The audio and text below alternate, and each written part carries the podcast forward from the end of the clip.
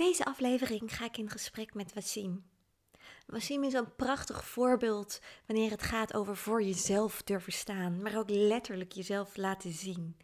In zijn jeugd is Wassim gepest. Hij voelde zich onveilig op straat, maar daardoor leerde hij wel om zijn eigen pad te gaan bewandelen. Dat is iets wat hij opnieuw hervond toen hij een wereldreis maakte. En zijn haar liet groeien, kwam een prachtige afro tevoorschijn, maar daar vond zijn moeder wat van. Wassim maakte zich los van alle oordelen en ideeën en leerde om zichzelf helemaal te tonen aan de buitenwereld. Het is een prachtig inspirerend verhaal geworden en ik wens je heel veel plezier toe met het luisteren. Welkom bij de podcast van het project Inner Child. Een project waarbij de gezichten en verhalen van bekende en onbekende Nederlanders letterlijk en figuurlijk in beeld worden gebracht. Mijn naam is Sabrina Souban. Samen met André Sprong neem ik je mee in de wonderenwereld van het innerlijke kind. Tijdens een expositie in mei en juni 2023 in Amsterdam laat André met sprekende foto's zien hoe in ieder van ons nog altijd een kind aanwezig is. Deze podcastserie biedt verdieping bij de prachtige portretten. Met de geportretteerden ga ik in gesprek over hun jeugd, innerlijk kind en levenslessen. Daarnaast neem ik je alleen of met andere experts mee in de achtergrond van het innerlijk kind. Welkom Wassim, fijn dat je meewerkt aan het project en fijn ook dat je tijd hebt gemaakt voor de podcast. Ja, dankjewel. Leuk dat ik mee mag doen. Ja, ik heb jouw uh, um, foto van jouw jongeren zelf nog niet gezien. Weet jij zelf al welke foto het geworden is? Um, nee, ik weet het zelf ook niet, want ik heb een heel fotoalbum van mijn uh, schooljaren doorgegeven. Mm Dus het is voor mij ook nog een beetje een verrassing hoe het gaat worden. Een verrassing, ja, ja, ja, precies. Ja. Ja, en als ik nou um, aan jou vraag van, aan welke leeftijd heb jij nog een beetje de meeste herinneringen?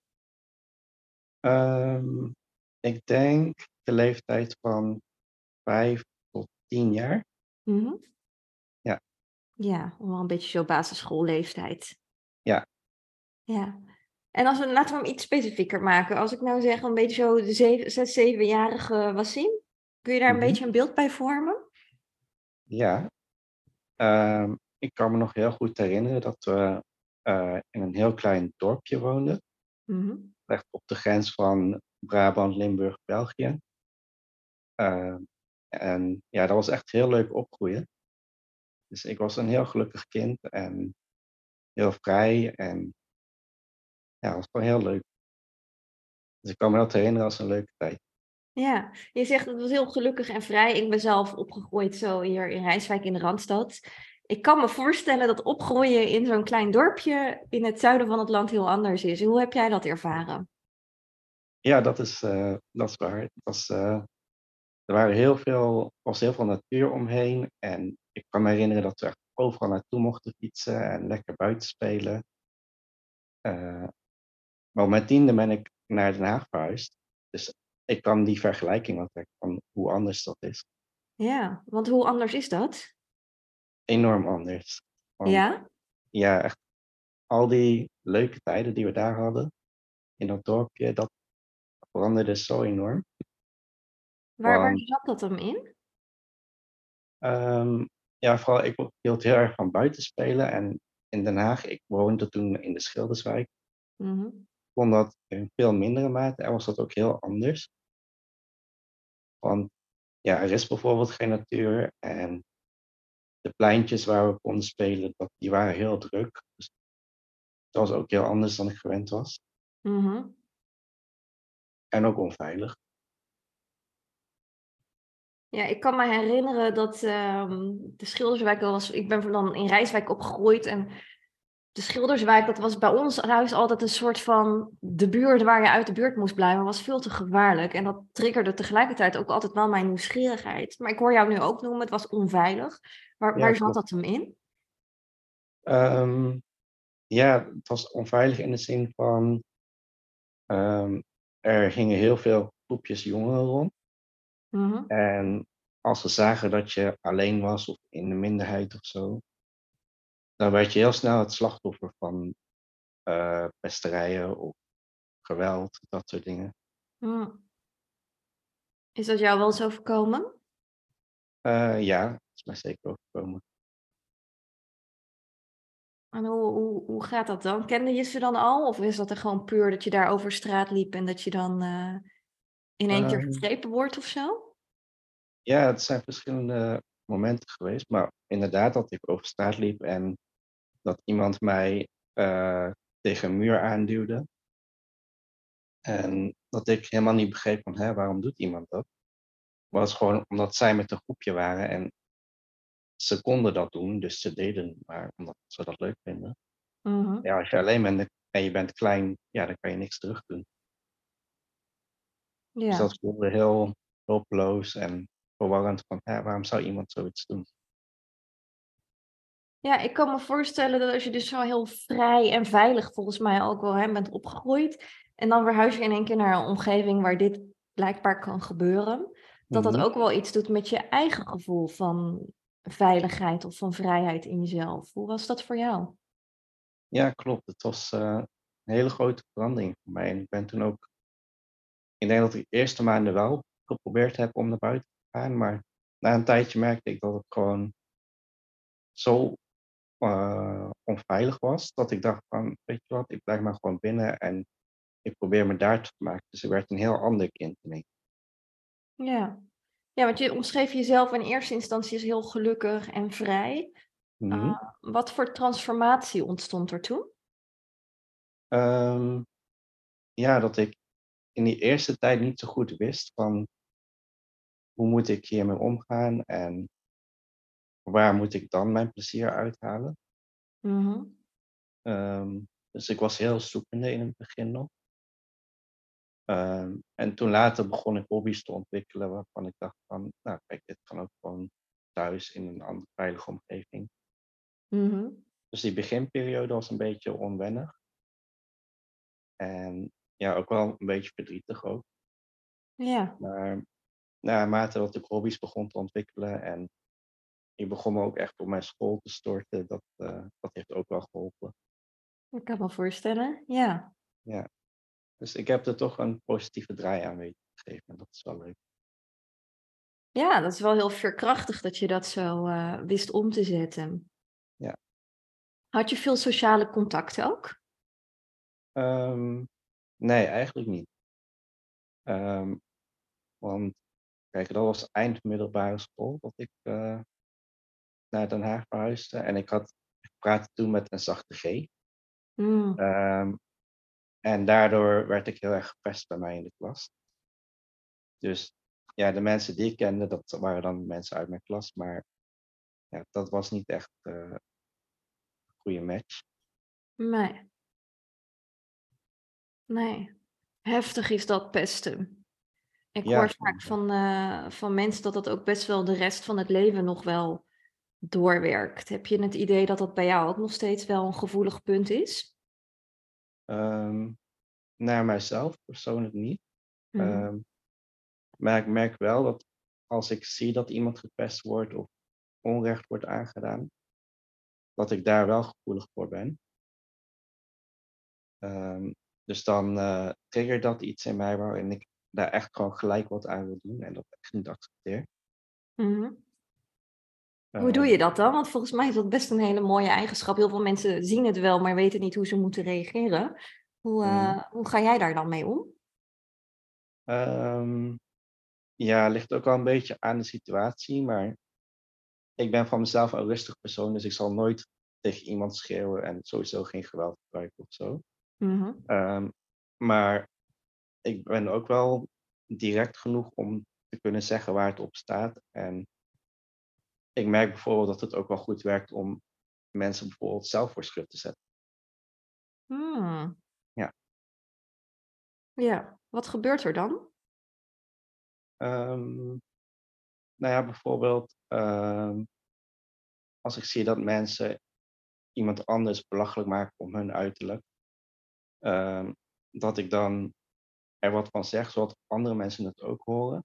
Um, en dan het ook op zo'n manier brengen dat ik hun uitleg hoe gek het eigenlijk is wat zij doen. En dat ze dan zichzelf een beetje schamen voor wat ze eigenlijk hebben gezegd. Wauw, dat is best Ja. een talent. ja, nou ja, het komt vanzelf. Maar ik kan me voorstellen dat het is moeilijk om daarin in het begin gelijk iets van te kunnen zeggen. Want het is ook wel een beetje spannend, denk ik, voor sommige mensen. Ja, ik ben best wel een, uh, een flap uit en ik kan niet zo goed tegen onrecht. En ik weet nog dat ik in mijn, uh, in mijn tienerjaren heel vaak mijn mond opentrok wanneer ik dat dan zag gebeuren op straat. En dat mijn ouders me eigenlijk altijd meegaven van hou je mond dicht, want voor je het weet hè, lig jij straks ergens uh, in een hoek van de straat neergeslagen.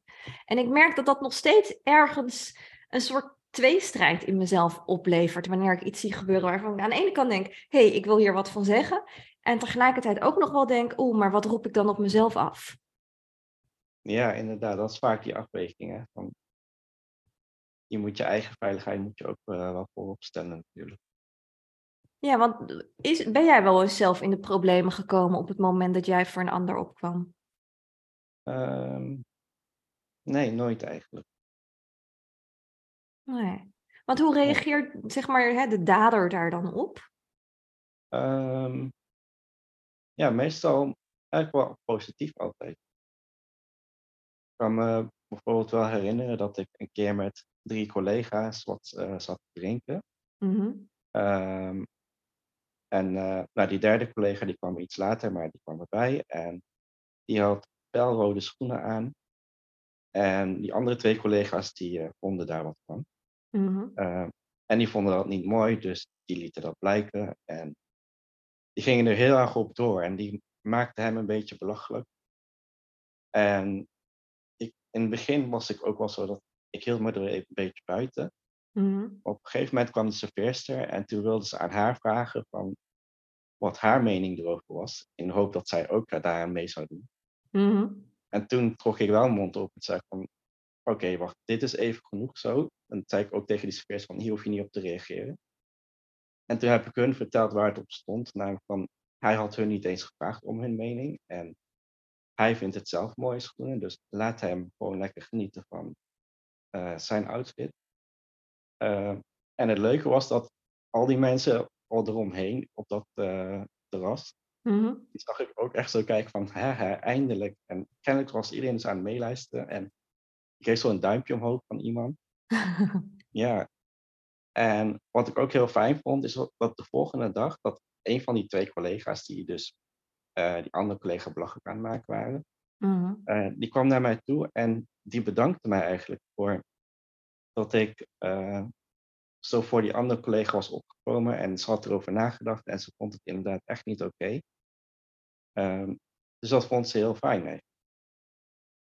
Wat mooi. Maar ook wel heel volwassen van haar. Dat ze dan in staat is om te reflecteren op zichzelf en dan naar jou toe te komen om toe te geven van hé, hey, eigenlijk uh, was het Ja, helemaal oké wat ik deed. Ja, daar stond ik ook wel van te kijken. Dat is echt heel mooi als mensen dat kunnen. Ja, ja, dat vraagt best wel wat om te erkennen dat je fout zat en jezelf daarmee ook kwetsbaar te tonen. Ja, inderdaad, echt heel volwassen is dat. Ja, maar goed, voor jou, voor jou natuurlijk ook, hè, om, om dat uit te spreken naar collega's toe, van hé, hey, hier ligt een grens. En dat, Ja. hè, ik, begrijp ik het goed, is dat toch eigenlijk wel iets wat zo voortkomt uit, uit jouw eigen jeugdervaringen, dat je weet hoe het is om verschut te staan? Ja, inderdaad. Ja, Ja, heb je wel hoe- mooi weten om te turnen zo. Ja, inderdaad. Want ik weet hoe ontzettend pijnlijk dat kan zijn en hoe eenzaam je je dan kunt voelen. Dus Ja. ja, dat is wel iets wat ik belangrijk vind om daar wat tegen te doen. Ja. Ja, en als je dan weer even terugdenkt aan die, eh, aan die jongere Wassim, die eigenlijk hè, in die periode dat hij zo alleen en eenzaam was, met die Mhm. grote verhuizing achter de rug, geen vrienden in Den Haag, onveilig gevoel. Wat zou je dan eigenlijk tegen die jonge Wassim willen meegeven nu als jouw volwassen zelf? Mm, Nou, ik denk omdat ik zo lang zoekende ben geweest van waar kan ik dan wel gelukkig van worden, Mhm. zou ik mee willen geven van maak gewoon je eigen geluk en doe je eigen ding en het komt echt wel goed. Niet af laten hangen van de mensen om je heen of de vriendjes die je hebt. Maar gewoon leuke eigen hobby's zoeken en even op jezelf focussen. Mm. Mooi, Dankjewel. mooi, ja, heel mooi.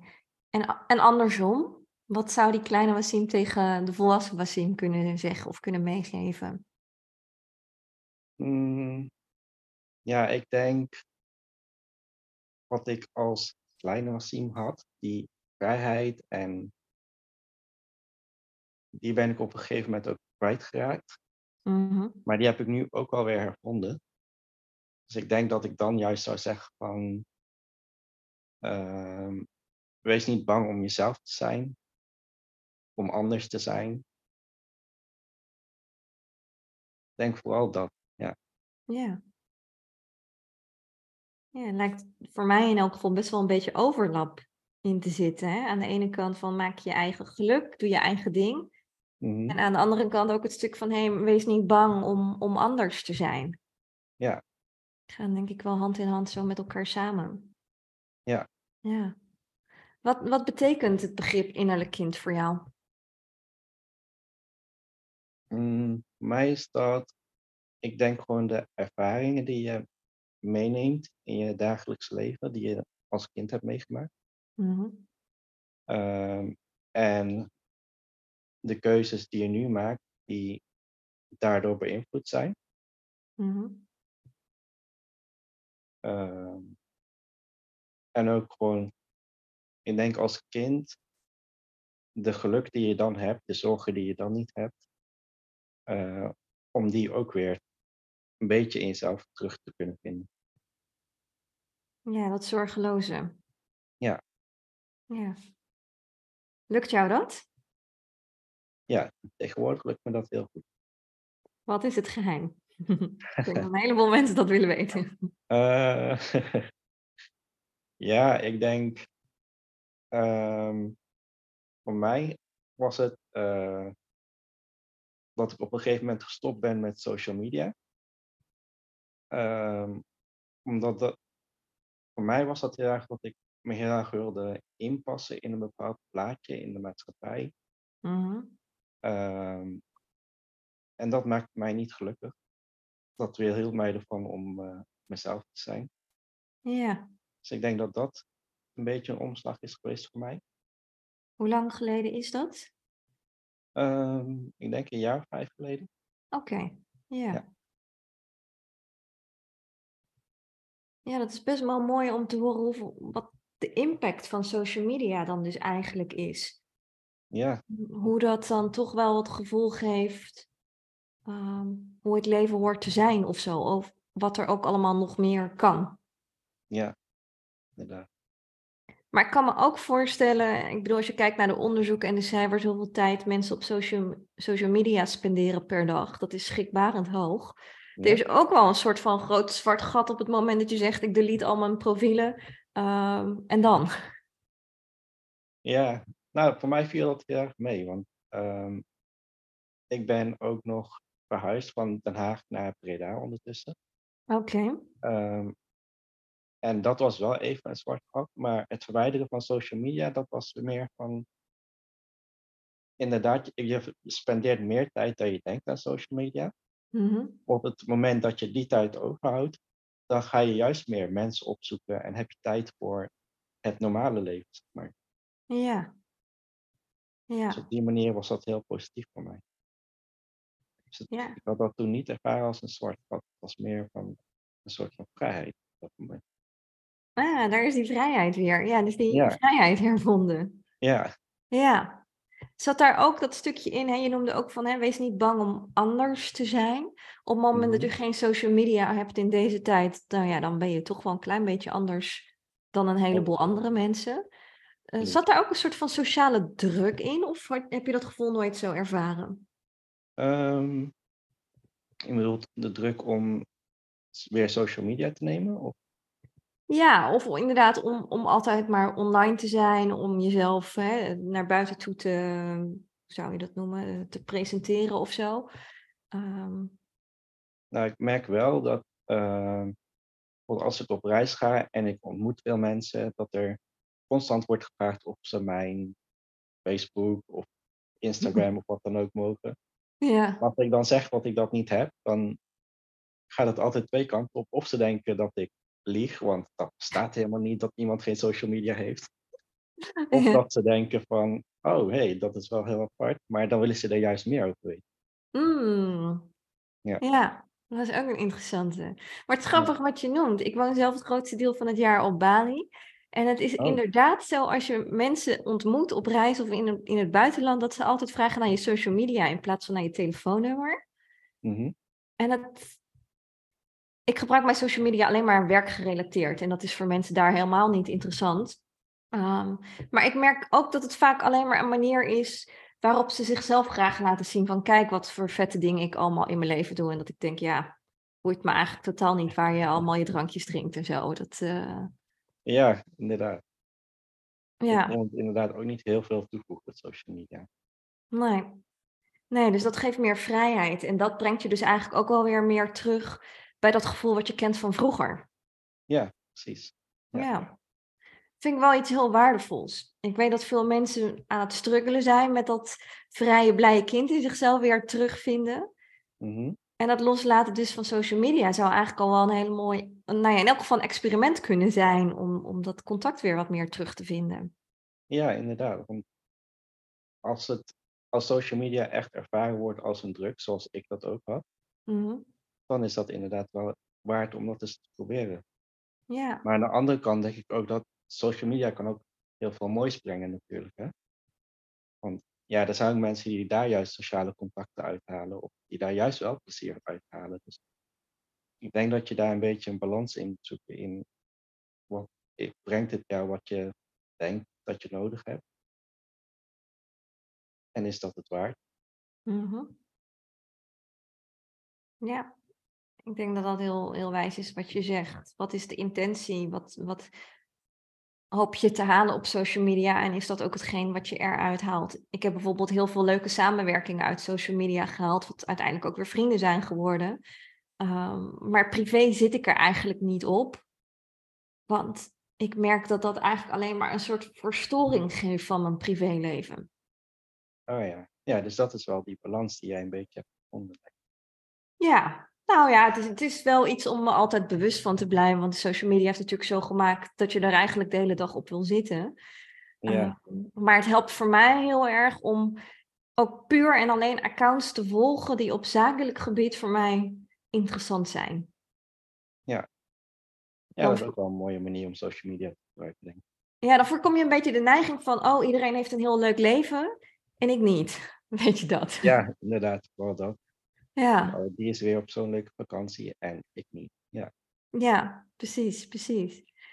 Als, er, als het gaat om het, om het innerlijk kind en mensen die bezig zijn met, met het hervinden van dat vrije innerlijk kind van zichzelf. Dus loslaten van social media kan een interessante optie zijn om te onderzoeken. Is er nog Mhm. iets anders wat je mensen zou kunnen of willen meegeven? Ehm, nou, wat voor mij ook een hele grote verandering is geweest, is ehm, ja, mijn uiterlijk is ook heel erg eh, veranderd de afgelopen jaren. Ehm, mijn, eh, bijvoorbeeld mijn haar is Mhm, altijd heel kort geweest en netjes, zoals mijn ouders dat graag willen. mhm, En zoals ze dat op het werk graag zien.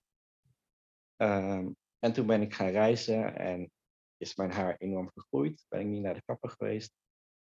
En toen kwam ineens een afro tevoorschijn. En ja, volgens mijn ouders kan dat echt niet, want ja, dat ziet er onverzorgd uit. En het is alleen maar het is helemaal uit de mode. mhm. Terwijl het voor mij juist totaal het tegenovergestelde is. Van, dit is wie ik ben en ik vind het zelf heel leuk. Dus ik denk dat dat ook wel iets is wat andere mensen kunnen proberen. Van een soort van radicaal, hoeft niet super radicaal te zijn, maar een verandering in je uiterlijk die je zelf heel leuk vindt en niet per se wat andere mensen leuk vinden. Ja, ik vind jouw haar echt fantastisch. Ja, En ik denk dat een heleboel mensen dat ook tegen jou zeggen. Ja, zeker. Ja. Het is juist iets heel unieks en het valt op inderdaad. Nou ja, het laatste wat ik het zou willen noemen is onverzorgd, want het ziet er allemaal heel mooi netjes bijgehouden uit. Mhm. Ehm, maar het maakt jou wel heel uniek. En juist heel erg iemand van, hé, hey, hier ben ik. Ik vind dat heel tof. Ja, klopt. Ja. Mooi dat je dat meegeeft, dat het ook zo in uiterlijk kan, kan zitten. Hè? Ga je naar de geldende norm gedragen? Of geef je Ja. ook daarin jezelf de vrijheid om jezelf letterlijk te laten zien? Precies, ja.